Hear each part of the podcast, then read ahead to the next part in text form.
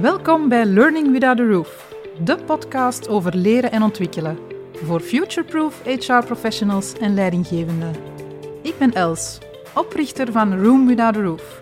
En ik geloof dat inzetten op persoonlijke groei bijdraagt tot meer welzijn bij mensen en een positieve impact heeft op de bestaanszekerheid van organisaties.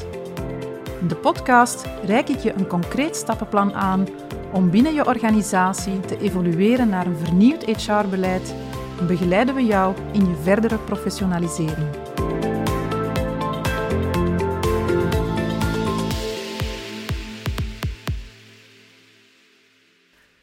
Welkom in deze nieuwe aflevering. Om als mens te kunnen floreren en schitteren, is het belangrijk om in een juiste context te kunnen leren en werken. De juiste context is, volgens mij, een context die leren stimuleert en die toelaat dat je experimenteert.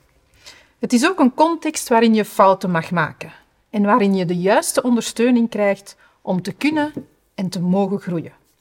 En in dat kader heb ik vandaag Katrien Scheers te gast. Welkom, Katrien. Dank u wel.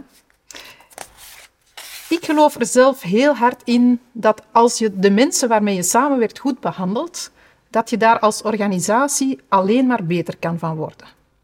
Wij kennen elkaar uh, onder andere vanuit ons lerend netwerk rond learning and development. En daar merkte ik al snel, Katrien, dat onze visies over omgaan met mensen en het laten groeien van mensen, dat die zeer gelijklopend zijn. Dus ik ben heel blij dat ik jou vandaag te gast heb aan tafel hier. Katrien, even iets over jou. Jij bent eigenaar Klopt, mede-eigenaar. Mijn broer en zus zijn ook eigenaar. Oké, bedrijfsleider. Ja, ja, En, en op jouw LinkedIn staat er zoiets als ambassadeur. Hè? Ambassadeur van Fastlines. Ja. Een bedrijf dat logistieke totaaloplossingen biedt. Klopt. Je hebt een hoofdzetel in Antwerpen, maar jullie zijn actief in heel wat verschillende landen. Hè? Ja. Okay. ja. Jij bent bovendien, en dat wil ik toch nog aanvullen, een inspirerend spreker op heel wat events. En je bent bovendien uitgeroepen tot maritiem logistieke vrouw van het jaar.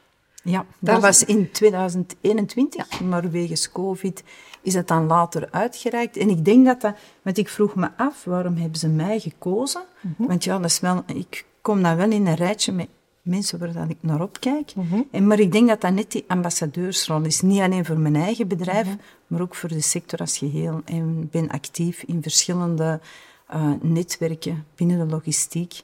En ik draag logistiek een warm hart toe. Mhm. Ik heb communicatie gestudeerd, dus ik ben ook communicatief. En ik denk dat daaruit die verkiezing is gekomen. Ja. Dat totaalplaatje daar. Ja.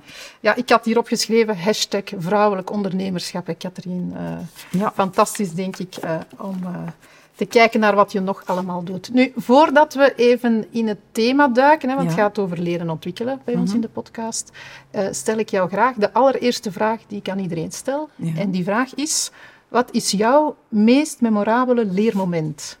Goh, dat zijn er verschillende. Ik denk dat het begint als kind. Mhm. En ik keek heel hard op naar mijn eigen Peter, mijn grootvader ook. En ik heb ongelooflijk veel van hem geleerd. Onder andere, hij was uh, metser, maar is zichzelf blijven ontwikkelen. Telkens hij de mhm. krant las en hij snapte een woord niet, dan noteerde hem dat en dan ging hem dat opzoeken in de dikke vandalen. En ik vond dat geweldig. Bovendien leefde hij ook voor... Voor mij is hij een voorbeeld van duurzaamheid avant la lettre. Mm niet veel kopen, wat je koopt, kwaliteit kopen en daar zuinig mee omgaan. Respect tonen voor iedereen. Dus als je wil behangen bijvoorbeeld, vakman bestellen, genoeg betalen, maar lang doen met het behangpapier dat er hangt. Dus, uh, en een ander leermoment was voor mij om plots te beseffen dat ook mijn helden, mijn Peter dus, ook maar een mens is dat, ja, de eerste keren dat je, dat je een beetje teleurgesteld bent, dat je er eens ruzie mee hebt of zo, dat was ook een leermoment. En dan een schoolsleermoment was voor mij, ik heb in de middelbare WB gestudeerd. Mhm. Ik denk niet dat ik daar in mijn kracht zat. Ja, dat waren wetenschappen, wiskunde, fysica, scheikunde, biologie. En uh, toen ik ging verder studeren, ben ik begonnen met uh, toegepaste communicatie te studeren. En daar kwam ik volledig in mijn kracht. Ik zat er echt als een vis in het water. Dat waren twee superboeiende, superplezante jaren. En dat was zo kort dat ik dan ook nog een master communicatie ben gaan studeren. Maar dat vond ik dan net iets saaier. Ik ben eerder iemand voor die toegepaste Ja, praktijk. eh, ja, ja. Combinatie van theorie met praktijk, maar niet te veel droog praktijk. Vind ik saai. Oké. Heb jij nog veel te leren, Katrien? Ja, ik denk iedereen constant. Uh, leven is vallen en opstaan. En elke keer als je valt, heb je hopelijk iets bijgeleerd. En blijven openstaan, hè? want ik hoor je verhaal vertellen, hè? Je, Ja. je leermoment over Ja. ah, mijn, mijn grootvader. Hè? Die, die zocht altijd de, dingen op die hij Ja. niet wist. Hè? Is dat ook een mindset die jij hebt? Ja, ja, ja. ja. Ik, ik denk dat je altijd met een open geest naar dingen moet kijken. Ik, ik probeer dat ook altijd aan mijn collega's om te, uit te leggen. Ik noem dat omdenken. Ik heb onlangs ook samen met mijn echtgenoot een presentatie mogen doen bij Universa. En dan had ik als thema gekozen omdenken. Omdat, ja, met een bril is naar, anders naar de dingen te kijken. Oké. Ja. Oké. Niet, niet gewoon bakken in de pan waar dat de oma altijd bakte, maar eens kijken, moet ik nog zo'n grote pan? Kan ik een kleiner pan? Kan ik misschien een ronde, een vierkante? En gewoon eens anders naar de dingen kijken. En in ons, in mijn vak, transport, is dat ook superbelangrijk. En tijdens COVID denk ik dat de meeste mensen dat zijn beginnen doen. Maar ik vond dat we dat ook al ervoor moesten doen. Ah, Ik geef een voorbeeld van Brexit. Ehm 70% van ons volume gaat van en naar UK. En dan kun je denken, oh, ramp, ramp. Maar nee, wij doen short sea. En net dat kan dan ook weer een antwoord zijn op Brexit, omdat ze daar een gebrek hebben aan, aan, aan vrachtwagenchauffeurs. En dat wij met onze kleine schepen eigenlijk naar alle verschillende havens kunnen. En bijvoorbeeld voor onze klant Wienerberger bakstenen gaan brengen, daar waar ze ze nodig, Nodig hebben. Maar allee, ja, dus niet altijd schrikken, maar kijken van, oh, er komen uitdagingen op ons af. Hoe kunnen we daarmee Ja. omgaan? Oké, oké. Even over jouw bedrijf misschien, hè, daar Ja. ik verder over gaan. Het is een familiebedrijf. Ja. Wa- Wat doen jullie precies? Wij, zijn, eh, wij bieden onze klanten totaal logistiek. Dus ehm, zij zeggen ons wat ze willen transporteren, naar waar en wanneer. En ik zeg altijd, dan kunnen ze achteroverleunen, relaxen, want dan gaan wij het voor hen verder regelen. Oké. Ja, en wij gaan altijd proberen de optimale, duurzaamste multimodale oplossing voor hen te kiezen. En dan geven ze een aantal eh, opties en dan kunnen zij kiezen waar ze voor gaan. Ja. Is dat vandaag een uitdagende sector? Altijd. Maar ehm, sinds COVID, ja, ehm, ik zeg altijd, het is een onderschatte sector. Het is een superlage margesector. Iedereen vindt het altijd evident dat je thuis iets bestelt en dat dan een dag later in je bus valt. Klopt. Maar eigenlijk zo evident is dat niet. Want daarachter zit een hele keten en zitten heel veel mensen. En met COVID hebben we gezien, bijvoorbeeld, ehm 90% van alles komt tot bij ons per schip. Maar de containers zaten vast in het hinterland. Dus die kwamen niet tot bij ons. En dan begint heel de keten te, om te vallen. Ja, en dan moet je creatief gaan denken. En eigenlijk zijn we als bedrijf, wij doen totaal logistiek, maar wij zijn ook gespecialiseerd in alles wat net niet in een container gaat. Wij doen voor onze klanten ook containers, maar ehm, tegenwoordig is breekbulk noemt dat. Dat is echt een nichemarkt. Maar ehm, met COVID is dat heel hard gegroeid. En dan zeiden ze allemaal, ja, dat gaat blijven. En ik dacht toen al, nee, dat gaat terugvallen naar normale proporties. En wat ik super leuk vond aan COVID, was dat mensen misschien ook eens zagen dat het, het belang van logistiek en het belang van mensen achter de logistiek, bijvoorbeeld de zeevarenden. Hè, ehm, wij hebben allemaal thuis in quarantaine gezeten. Ik vond dat niet altijd even leuk. hè? Maar Beeldewin, zeevarenden, zitten eigenlijk altijd met veel in een kleine ruimte. Want het woord quarantaine komt zelfs vanuit de logistiek. Hè? Tijdens ehm, de pest werden in Marseille de mensen in quarantaine op hun schip gezet. En dat stuitte mij echt tegen de borst. Tijdens de COVID werden ook, al wisten wij hier wat COVID was en dat we het konden behandelen, dan nog werden zeevarenden die COVID kregen aan boord van hun schepen op heel veel plekken gewoon terug de zee geduwd. En er zijn mensen overleden omdat ze niet snel genoeg zorg Mhm. kregen, van, gaande van een hartinfarct tot mensen die zelfmoord hebben gepleegd omdat ze eh, zo lang niet meer aan land konden. Dus ey, dat vond ik eigenlijk wel verschrikkelijk. En ik hoopte dat dat voor de mensen ook een leermoment was, van te zeggen, oké, goh, ehm, ook respect voor die zeevarenden, ook respect voor camionchauffeurs. Allee, ehm, allee, voor de mensen die in supermarkten werken ook. Hè. Ja, ja. Niet- Maar niet alleen voor de zorgverleners, hè. Ja, ook voor hen. ja, ja. Maar eh, ik vond dat dat ook wel een moment was dat er eigenlijk ook eens eindelijk een beetje een, een, een, een schijnwerper kwam op de mensen achter het transport. Ja. Dat er anders gekeken wordt naar Ja. bijvoorbeeld de vrachtwagens die de file veroorzaken Ja. hier op de Antwerpse Ja, vervelende, vervelende chauffeur. Hè. Ja. Ja, jij moet maar s'nachts rijden. Ja, ja. Hè? Maar ze moeten ook s'nachts kunnen leveren. Dat wil dan zeggen dat de magazijnen ook s'nachts moeten open zijn. Dus dat andere mensen ook s'nachts moeten gaan werken. Ja. Allee, er valt ook iets voor te zeggen. Hè? Absoluut. Ook dat is omdenken. Hè? Je hebt in een van, van uw interviews ehm, heb je een bepaalde uitspraak gedaan. We moeten ophouden met goederen beter te behandelen dan mensen. Wel, dat bedoel ik net ehm, tijdens COVID, die zeevarenden niet aan land laten komen.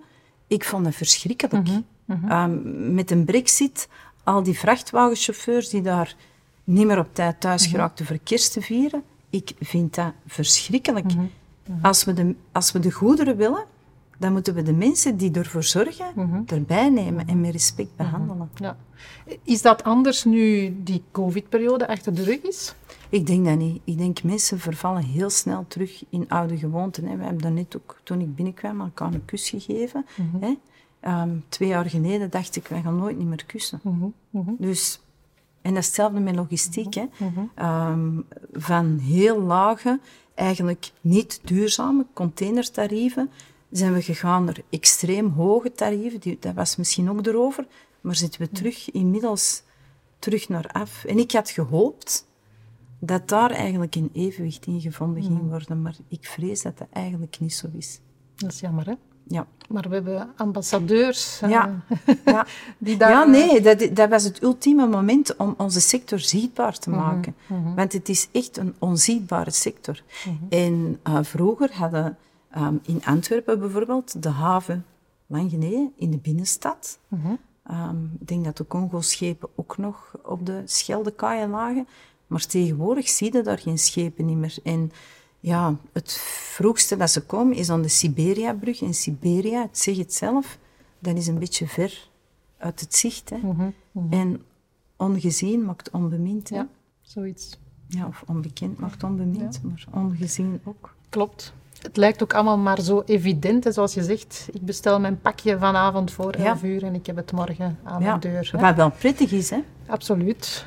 Maar Maar, we zien niet meer wat er allemaal achter. achter, zit. Ja. Eh, We gaan ervan uit dat dat Ja. allemaal altijd smooth Ja. en vanzelf verloopt. Hè? Ja. Misschien even terug naar, naar eh, eh, Fastlines. Hè. Jij, jij hebt daar een rol ehm, als bedrijfsleider of één Ja. van.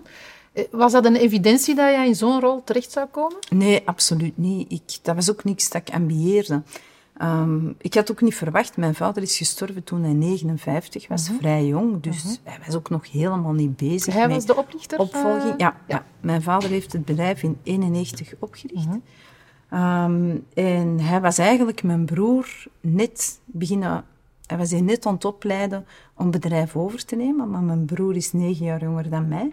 Die was net afgestudeerd als architect. En ehm, we hadden toen nog een vliegtuigje, slecht voor onze ecologische voetafdruk. en dan is mijn mama met mijn broer rondgevlogen naar onze verschillende bedrijven. En dan is hij thuisgekomen en zei hem, goh, zus, oh, dat is echt veel te veel. En ehm, wij hebben ook een fabriek waar we nagels produceren. En hij zei, als ik nu de productie doe, wil jij dan transport doen? En ik zeg, ja, eigenlijk niet echt, want het waren grote schoenen voor te vullen. Ik weet wat ik kan, ik weet ook waar ik minder goed in ben. En dan zei ik, oké, ik wil dat doen, maar dan ga ik mijzelf versterken met naast mijn manager te plaatsen die alles kan waar ik niet zo sterk in ben. En dan zei mijn echtgenoot, ik wil dat doen. En dan zei ik, nee, nee ik wil niet samenwerken met mijn echtgenoot. en dan hebben we dat zo even bediscussieerd. En sindsdien werk, werk ik dus samen met mijn echtgenoot. en zijn wij echt een, een, een hecht team. En je moet dat misschien aan de collega's vragen. Maar ik denk dat wij elkaar perfect aanvullen. Oké. Ja. ja. Dus een echt familiebedrijf? Een echt familiebedrijf, ja. Okay. Echt tweede generatie familiebedrijf. Okay. Ja. Uh, je bent ook uh, ik zei het hier juist, hè, vrouwelijk ondernemerschap. Je bent een vrouw in toch wel een mannenwereld, hè? Dat verandert ook wel snel, denk ik. Maar nee, het is inderdaad um, nog een mannenwereld. Ja.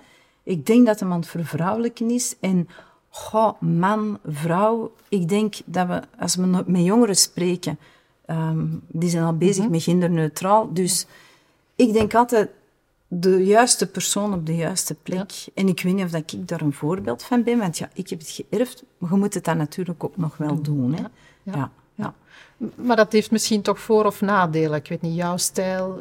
Uh... Ja, ik denk dat wel. Ik denk um, dat ik eerder sta voor vrouwelijke waarden. Mm Ik denk dan altijd bijvoorbeeld, als je Tatje neemt, dat was ook een vrouw in een mannenwereld. Mm -hmm. Maar volgens mij was dat een vrouw met heel veel mannelijke waarden. Mhm. En ik vind het net fijn, en ik tracht dat ook wel te promoten, dat het ook niet altijd mannelijke mannen zijn die mhm. leiden. Mhm. Ik vind dat je ook mocht leiden vanuit een vrouwelijke kracht.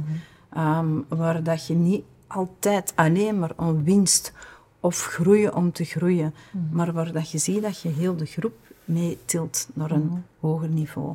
Allee, dat is een beetje ideaal beeld. Ja, maar ja, we kunnen wel trachten naar onze idealen. Hè? Ja, absoluut. En, en ik heb daar ook een gelijkaardige visie in. Hè? Ehm, inderdaad, het gaat niet over gender, of het mag allemaal genderneutraal, hè, maar um, ieder heeft zijn sterktes. En van daaruit kunnen vertrekken. En misschien ja. heeft de ene wat meer vrouwelijke waarden, om dat dan zo te noemen, dan de andere. Ehm, en, en er is ook geen regel, vind ik, over hoe dat je een bedrijf moet leiden. Nee. Want er zijn heel veel managementopleidingen, heel veel businesscoaches die allemaal zeggen dat dat in een bepaalde manier moet gebeuren. Er is veel eenheidsworst, hè? Ja, maar uh, ik ben zelf nu tien jaar ver als ondernemer. Um, ik kan niet zeggen dat ik, dat ik nooit volg wat dan de eenheidsworst voorschrijft, uh, of daar per se wil tegenin gaan, maar ik probeer zo vaak als mogelijk vanuit mijn eigen kracht te kijken. Maar zoals jij zegt, je zoekt adviseurs of mensen rondom u die jou kunnen helpen. Hè? Want alleen is het nee, niet... Uh... Nee, en ik denk dat diversiteit ook heel goed is voor een bedrijf. Ja. Ik denk dat dat een bedrijf sterker maakt. Ik denk, um, een van de krachten van het bedrijf dat ik leid, is dat we um, een heel open bedrijfscultuur hebben, mhm. waar dat mhm. iedereen kan zeggen wat hij wil en wat hij denkt. Mhm. Ook al vind ik dat misschien niet altijd even prettig, wat niet wil zeggen dat ik het niet leid. Hè. Mm Dat af en toe worden er knopen doorgehakt en dan zeg ik dat is de weg. En dan moet die ook wel worden gevolgd. Maar um, ja, het is wel fijn dat er een bedrijfscultuur is waar dat er vragen worden gesteld en, en uh, verbeteringen worden aangebracht en waar dat iedereen eigenlijk meewerkt aan de bedrijfscultuur. Ik vond dat spectaculair. Wij hebben sowieso een bedrijfsfeest gegeven en ah, dat was zo plezant. En iedereen was daar zo fier. En dan dacht ik, dan vroeg ik aan, we hadden zo een, een vergadering met ons managers, van ons, ons leiders van ons verschillende kantoren. En ik zeg, ik vond dat zo ontroerend, maar tegelijkertijd vroeg ik mij af, hoe komt dat en hoe kan ik dat borgen? En dan zei ze van, maar Katrien, daar moet niet over nadenken. Dat is gewoon zo. Maar ik vind dat niet evident. Mhm. Ik vind dat niet evident mhm. dat iedereen werkt alsof het voor zijn eigen bedrijf is. Mhm. Maar ik vind dat tegelijkertijd wel fantastisch. Ik heb bijvoorbeeld een bevrachter, die is 76, die werkt nog. En die werkt met plezier. Maar ik denk dat dat is omdat hij doet wat hij graag doet. En die zit in zijn kracht, in zijn job. En ja, dat is super fijn. Ja. Je zegt hier juist een open cultuur. Hè? Daarmee ja. wilde zeggen open communicatie. Hè? Iedereen kan alles zeggen of vragen. Ja. Wat, wat doe je daarvoor om... Ja, ik denk dat je mensen ten eerste moet proberen in hun kracht te zetten. Ik zeg ook altijd, vaak, ondertussen is dat veranderd met thuiswerk, maar zitten meer in de ogen te kijken van uw collega dan in die van uw partner. Mhm. Dus kun je beter een job hebben die je leuk vindt, in een kader waar dat je graag in werkt. Ik denk ook niet dat iedereen in elk bedrijf kan werken. Want wij hebben zo'n beetje zelfsturende teams avant la lettre. En dat is ook niet voor iedereen gegeven. Want dat vraagt ook wel wat um, ja, tegenwoordig eigenaarschap. Mhm, hè? mhm. En uh, Dus je maturiteit Ja. daar op dat vlak. Ja. ja. Ja, ja, ik ben toch benieuwd naar een stukje analyse. Hè, wat je zegt van, wat maakt nu dat dat bij ons lukt en dat je daar die fierheid voelt? ja, Eh, want veel organisaties zijn daarnaar op zoek. Hè. Bij heel veel organisaties is dat niet zo vandaag. Hè. Dus ja, eh, wat, wat, wat Ja, kan je ik- ons ik- vandaag ik nog... Zou eh, het, ik zou het niet weten, want, want ik vroeg mij dat ook af. Maar, maar ik denk dat het ja, wel komt op dat mensen autonomie hebben Ja. en dat ze gewaardeerd worden. Ja. Allee, dat is ook een van mijn, mijn filosofies, is elke mens wil maar één ding. Of Mhm. dat je kind bent, in een liefdesrelatie, je wilt aandacht. En ik denk dat dat ook geldt op de werkvloer mhm. aandacht. Aandacht van elkaar, aandacht van uw leidinggevende. Dat wil niet zeggen dat je moet pamperen en altijd, maar echte aandacht, authentieke aandacht. Ja. Gewoon, hoe voelde jij je? Ja. Wat, wat vind jij fijn om te doen? Mhm. En wat heb je nodig om dat te kunnen doen? En dan gaan we helpen met je tools te geven om dat te kunnen doen. Mhm. We zijn net verhuisd. ehm, er was iemand jong bij ons gestart. Spijtig genoeg is hem vertrokken, maar waarschijnlijk zat hem bij ons niet in zijn kracht. Mhm. Ik had er dan heel vaak gesprekken mee en, en ik zag zijn energie een beetje dalen. En dan heb ik ook gezegd, kijk, zet eens op papier hoe je wilt dat je wordt gestuurd, want het werkt hier niet. Maar hij was bij ons komen werken omdat tijdens de het sollicitatiegesprek ik gesproken had over respect, wat ik super belangrijk vind, en over duurzaamheid en vergroening. En ik had hem dan ook onze rapporten over duurzaamheid laten lezen. En hij was afgekomen en had gezegd, ja, maar Katrien, jullie spreekt wel van duurzaamheid, maar jullie hebben geen bewegende bureaus. En we gingen toch verhuizen. Dus nu zitten wij allemaal sinds vandaag Met op kantoor. Die, eh, op en af. ja, op bureaus die op en af gaan. Hij is er niet meer bij, maar ik denk dat dat voor iedereen anders misschien even winnen is. Maar je kunt hem gewoon standaard zetten, hoe dat je altijd gewerkt hebt. Maar je kunt ook bewegen. En we hebben ook wat zitballen en wat krukjes. En, allee, ja, we moeten openstaan voor veranderingen. Ja, ja. Ja. Jouw stijl, hè, want in het lerend netwerken zien we elkaar Ja. vaak. En daar valt het mij dan op, hè, dat je, als je zo mee in de gesprekken gaat, dat je vooral veel down-to-earth eh, reacties geeft. Ook een beetje hè, dat je, die open blik, hè, wat je juist Ja. hebt gezegd, dat is ook iets. Hè, dat jij zegt van, eh, ik weet dat eh, binnen de sector employer branding niet zo evident is hè, bij jullie. Maar jij komt dan toch vaak met nog, ja maar, hebben we er zo al naar gekeken. Hè? Zijn dat typische eigenschappen? Ja, en ik, ik denk altijd... Het is makkelijk om te klagen en te zagen, maar wat kun je zelf toevoegen? Mhm. Allee, employer branding, onze sector, iedereen klaagt, maar iedereen heeft de mogelijkheid om zelf aan employer branding te doen of aan sector branding. En dan zeggen ze tegen mij, maar jij hebt het gemakkelijk, jij hebt je eigen bedrijf. En dan zeg ik, oké, wij hebben niet echt een policy over wat mensen posten. En bij sommige bedrijven is dat misschien al heel vermoeiend voor heel die manual te lezen van, van wat ze mogen posten en wat ze niet mogen posten. Maar niemand kan, niemand kan zeggen dat hem niet in zijn eigen naam mag posten. En ik denk dat geen ene bedrijfsleider vandaag kwaad gaat zijn als ze zeggen ik werk in transport, dat is een super toffe job. En dat ze zelfs hun, hun merknaam erbij zetten. Dat kan iedereen. Maar mensen steken zich ook wel graag weg. Allee, hetzelfde met... Er komen niet zo heel veel vrouwelijke ondernemers in beeld. En dan zeggen ze altijd van, ja, maar voor u is dat gemakkelijk. Nee, ik ben ook vaak zenuwachtig. Maar dan kom ik net iets uit mijn comfortzone. En dat tracht ik dan bij andere vrouwelijke ondernemers ook te doen. Te zeggen van, kijk, we kunnen ook niet klagen dat we niet mee uitgenodigd worden aan de tafel. Als we worden gevraagd, zeg ook af en toe eens ja. Allee, als dat in uw karakter past en in uw... We zijn allemaal anders. Ook niet elke man treedt naar buiten. Maar ik denk in onze sector, iedereen kan naar buiten komen en zeggen, kijk eens in wat voor een boeiende internationale sector we werken. Is dat employer branding, is dat zo wat, hoe moet dat zeggen, een filter die erover ligt? Want voor mij is dat Nee. Iets dat eigenlijk vanzelf zou mogen gaan gebeuren. Ja. Maar dat gebeurt misschien wel weinig. Want Ja, het is in alle sectoren. Hè? Employer branding is de nieuwste HR-hype. Ja. In alle sectoren. Hè? Je moet, ja, maar dat is omdat we in alle sectoren mensen tekort hebben. Mhm. En hoe kunnen we mensen aantrekken? Door ons zichtbaar te maken. Mhm. Als je ehm, naar de podcast luistert van Lena Goldberg, Mhm. die start bijna altijd met de vraag: hoe ben je in transport terechtgekomen? Of de maritieme logistiek. Dat is bijna altijd per toeval. Mensen studeren al heel weinig logistiek. Mhm. Dus daarom ben ik ook wel, daar ben ik echt wel trots op. Ehm, ik ga af en toe ook eens ehm, brainstormen met leerkrachten. En Ilse van Vlierbergen die had mij twee jaar geleden gezegd van we zien het aantal studenten in logistiek afnemen. En dat is eigenlijk wel spijtig. En ik droom ervan van een, een krantje te maken. Ik weet ook niet of dat we daar de jonge mensen mee gaan bereiken, maar in verband met logistiek. En ik zei, eh, wel Ilse, ik heb een prijs gekregen, maritiem logistiek persoon, dus ik mag iets teruggeven. Ik zeg, en samen gaan wij zorgen dat dat bladje er komt. En in maart van dit jaar had de Flows een extra katern, allemaal gericht op studies in de gezien, logistiek.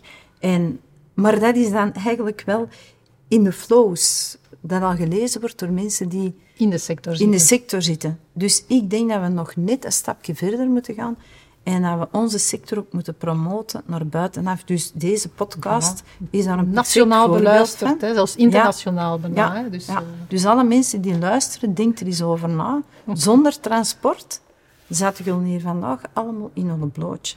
Het zou een raar zicht zijn waarschijnlijk. Hè? Maar het is wel ja. zo, hè? Misschien zou er ook geen tafel en stoelen zijn. dat kan. nee, nee. Oké, dus allemaal eh, eh, solliciteren voor eh, haven en logistiek. Nee, en het is ook gewoon een plezante sector voor in te werken. Hij is open, internationaal. Ehm, je kunt reizen zonder je werkplek te verlaten. Zie dus. Ja.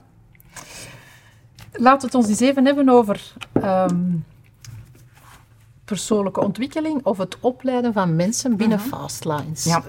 Doen jullie daar iets speciaals voor of gaat dat allemaal vanzelf? Want ik heb zo de indruk dat er bij jullie Nee. heel dingen vanzelf gaan. Nee, dat gaat allemaal niet, nee, dat gaat allemaal niet vanzelf. Eh, nee, maar ik denk dat het wel... ehm, ja, ook daar, hè. ehm, ik zeg ten eerste, op ons kaartjes, wij geven Sofastaal service aan onze klanten. Maar wij proberen dat ook te doen aan onze leveranciers en aan onze eigen mensen. Want zoals transport een keten is, is ook een relatieketen denken. En mensen moeten zich veilig voelen.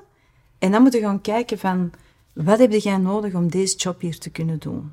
Is dat de job waar dat je in je kracht zit? Of zijn er andere jobs die je binnen ons kantoor kunt doen? En ehm, vaak wordt er gedacht, als je zegt opleidingen, denken mensen vaak van we sturen ze naar een klas of naar een school, wat nuttig is. Ik heb ook logistiek bijgestudeerd. Maar er wordt ook veel aan interne opleiding gegeven. Dus we gaan mensen zetten naast een expert om de kennis van het vak te leren. Ze kunnen mee naar de kaai gaan kijken, want breekbulk, hoe marcheert dat, wat hebben we nodig? Ehm, eventueel kunnen ze zelfs eens meevaren als ze dat willen. Hè. Dus er zijn zoveel manieren voor te leren. Dat kan klassikaal, dat kan via intervisie, zoals dat ik bij u op intervisieklassen kom.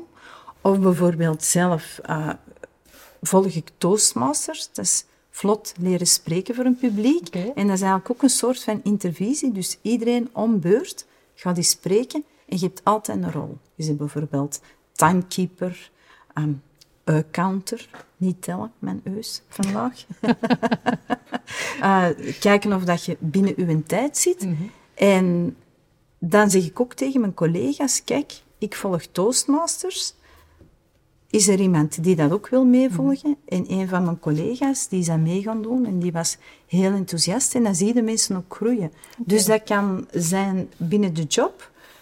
Want ja, iedereen presenteert toch ook al wel eens iets. Maar ook dat je als mens groeit. Je Even voor de verduidelijking, met hoeveel mensen zijn jullie? Wij zitten in Antwerpen met tien mensen, in totaal denk ik met 160 ongeveer. Oké, ja. oké.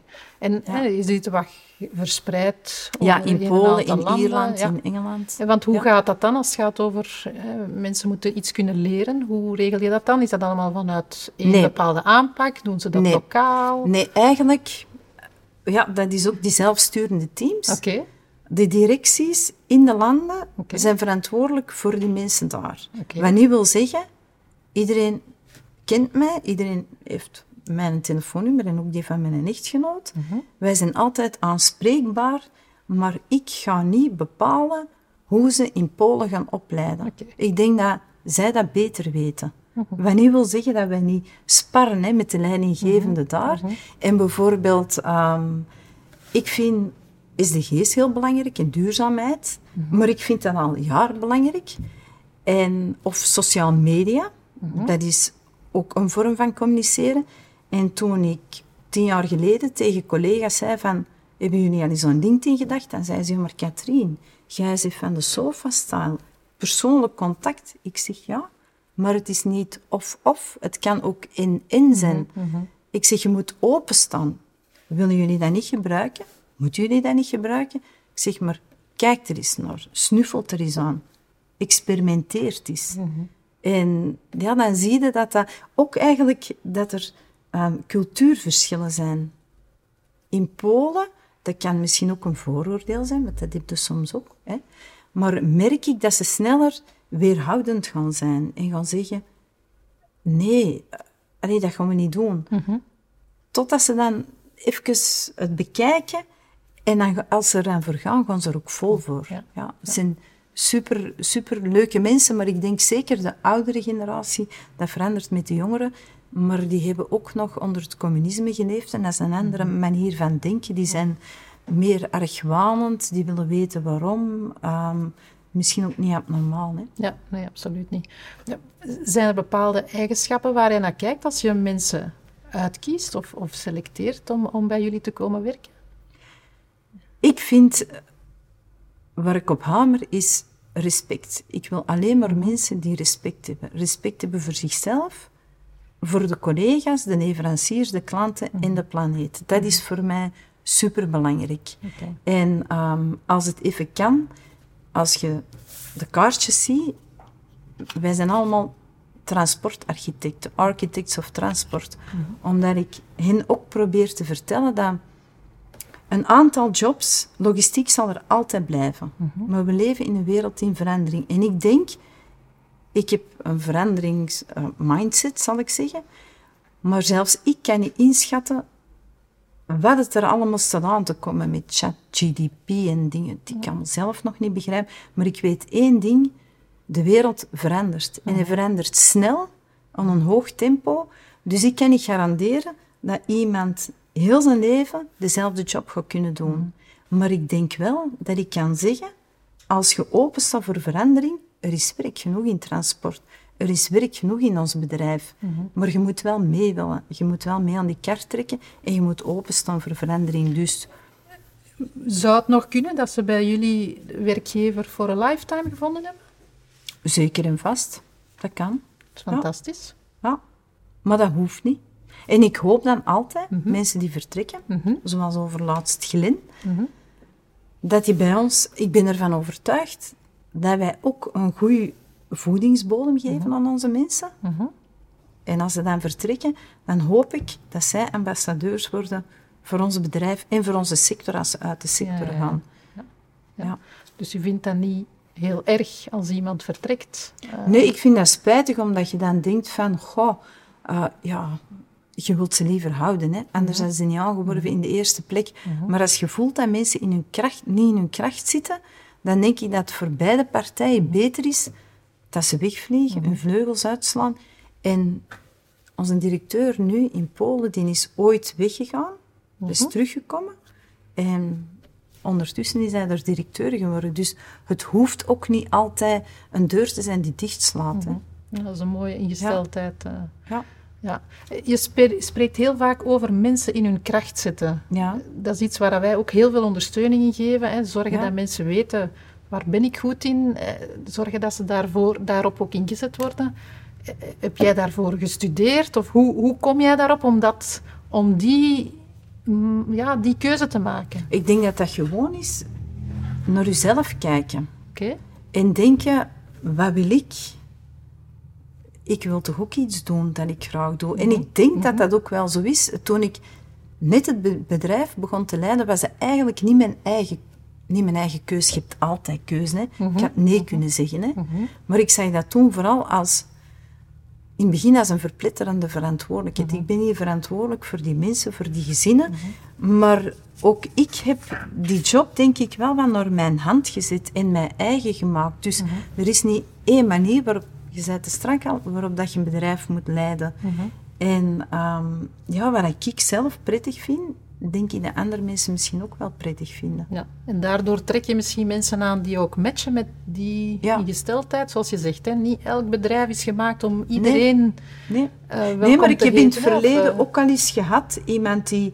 Ze moeten ook niet allemaal hetzelfde zijn. Hè. In een bedrijf hebben we ook allerlei types mensen nodig. Mhm. Ik had iemand en die zijn job was eigenlijk opgedroogd. Mhm. En die was commercieel manager voor een lijnagentuur. Maar die lijnagentuur was opgehouden te bestaan.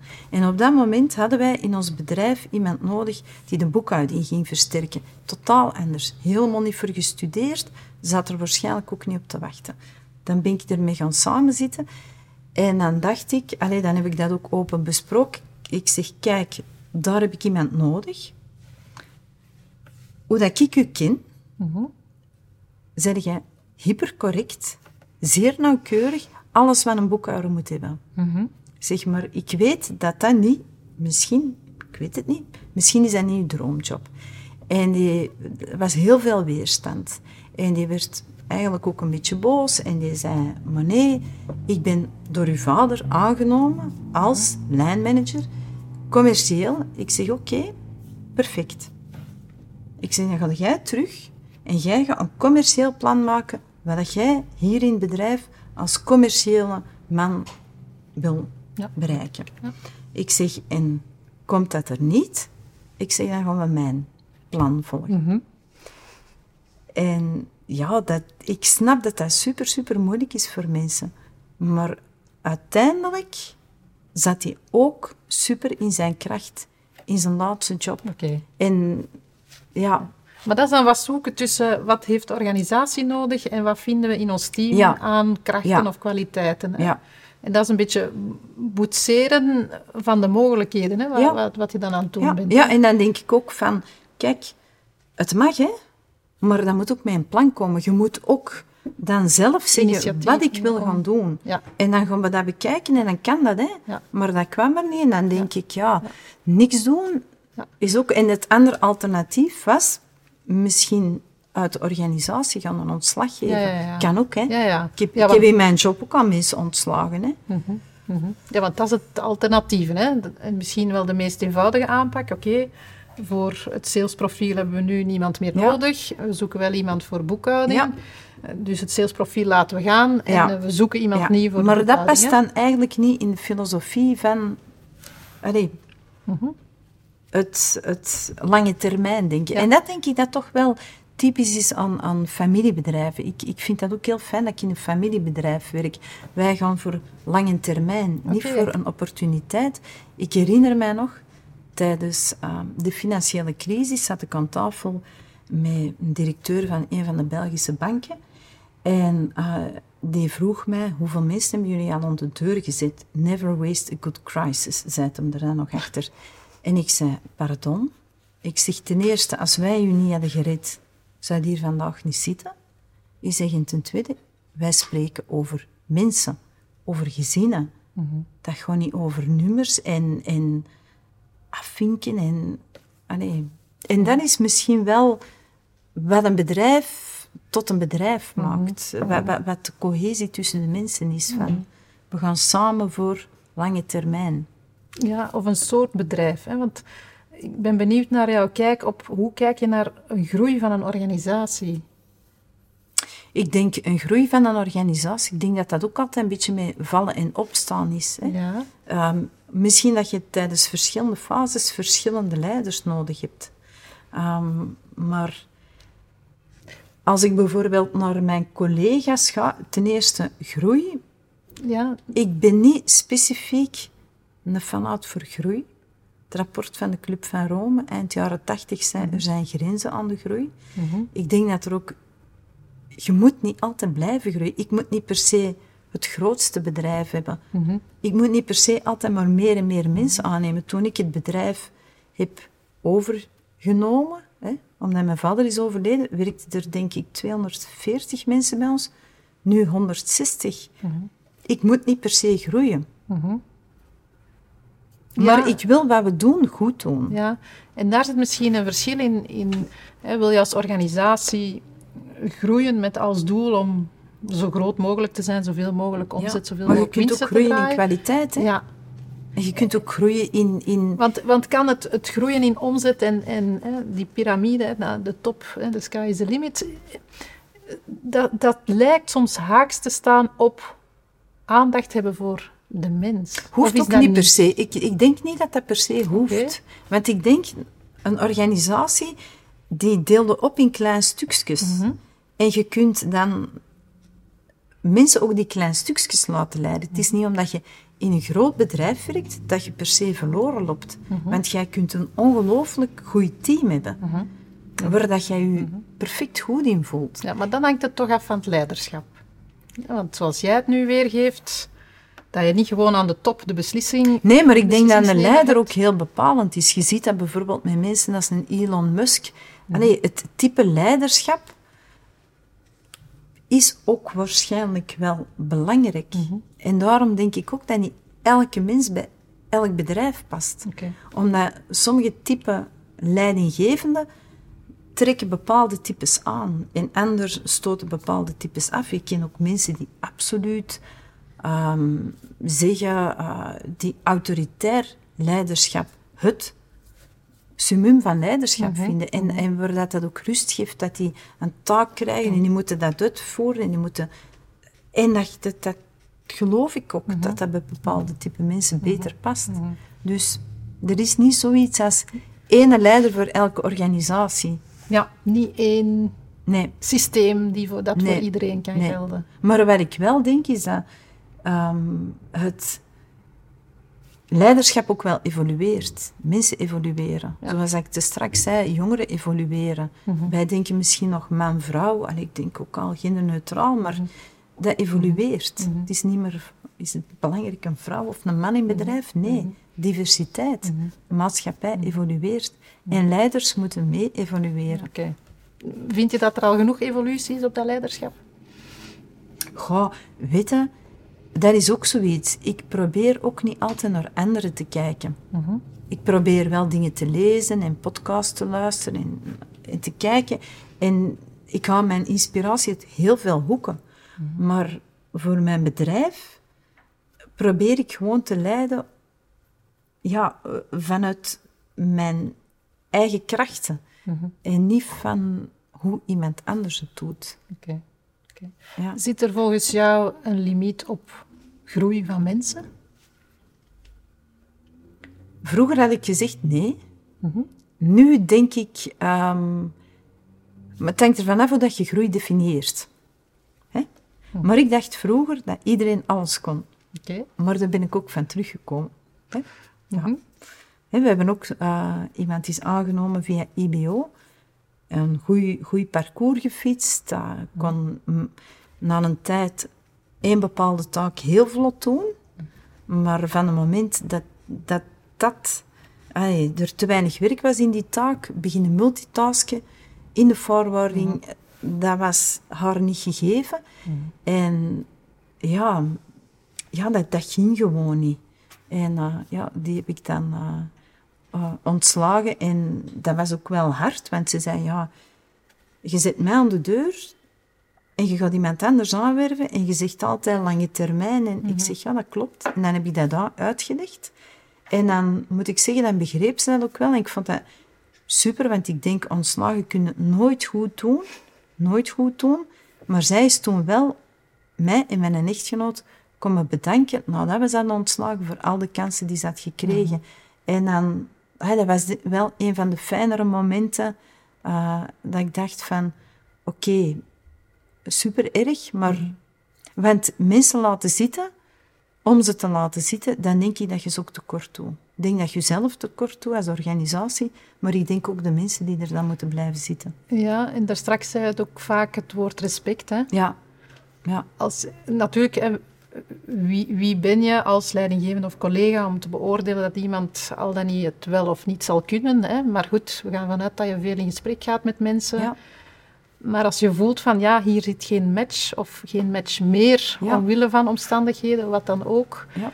dan gaat het voor mij ook over respect hebben voor elkaar en durven benoemen van ja, dit is het niet meer. Maar dat is natuurlijk niet altijd de simpelste weg. Nee, maar dat is niet... Maar dat hoort er ook bij. Moeilijk. Dat is leidinggeven. Ja, dat is leidinggeven, absoluut. En dat zijn dan de, misschien de mindere kanten van leidinggeven, maar mhm. het hoort erbij. Mm En dan moet je dan ook niet uit de weg gaan. Allee. Nee. Katrien, nog een laatste vraag, want de tijd uh, vliegt hè, als je uh, boeiende gesprekken hebt. Uh, heb jij nog een, een, oproep aan organisaties of aan mensen als het aankomt op ja, je loopbaan in handen nemen, je werk in handen nemen, initiatieven nemen? Ja, ten eerste zoek een job en een bedrijf dat bij je passen. En dan als um, collega's onderling wat ik daar straks al zei, aandacht. Elke mens heeft één ding nodig, aandacht. Geef elkaar die aandacht, ondersteun elkaar, maak het leven voor elkaar plezant. En ik zeg altijd, leven is een beetje zoals zitten op een wip. Ehm, soms, bijvoorbeeld in een relatie werkgever-werknemer, soms is de werkgever die iets meer, dan is de werknemer. Maar als er geen evenwicht is, blijft het niet duren. Mhm. Dus ik denk streven naar evenwichten. Okay. Volwaardige, evenwichtige relaties. Okay. Gewoon in heel het leven. Ja, absoluut, absoluut. Oké, okay, Katrien, dankjewel. Dankjewel om er te zijn. dat was super. Ja? Het leuke is aan een podcastopname dat je heel veel tijd voor elkaar hebt, aandacht voor elkaar hebt. Ja. Dat is leuk. Misschien moeten we veel vaker uh, podcasts doen. Oké. Okay. Dankjewel. Hartelijk dank. Ben je als luisteraar nog op zoek naar hoe je een nog betere leercontext kan creëren voor anderen? Neem dan zeker eens een kijkje in het aanbod van onze collega's van Great at Work, een van de business units van Room Without a Roof. Alle info hierover in de show notes. Bedankt om te luisteren. Hopelijk kon dit jou alweer inspireren. Op leren en ontwikkelen hoort geen dak te liggen. Ik hoor graag hoe jij het dak eraf haalt door in te zetten op een context en een stijl van leiding geven die leren stimuleert. Je weet me te vinden via de social media kanalen van Room Without Roof of via mijn persoonlijke accounts. Graag tot een volgende keer.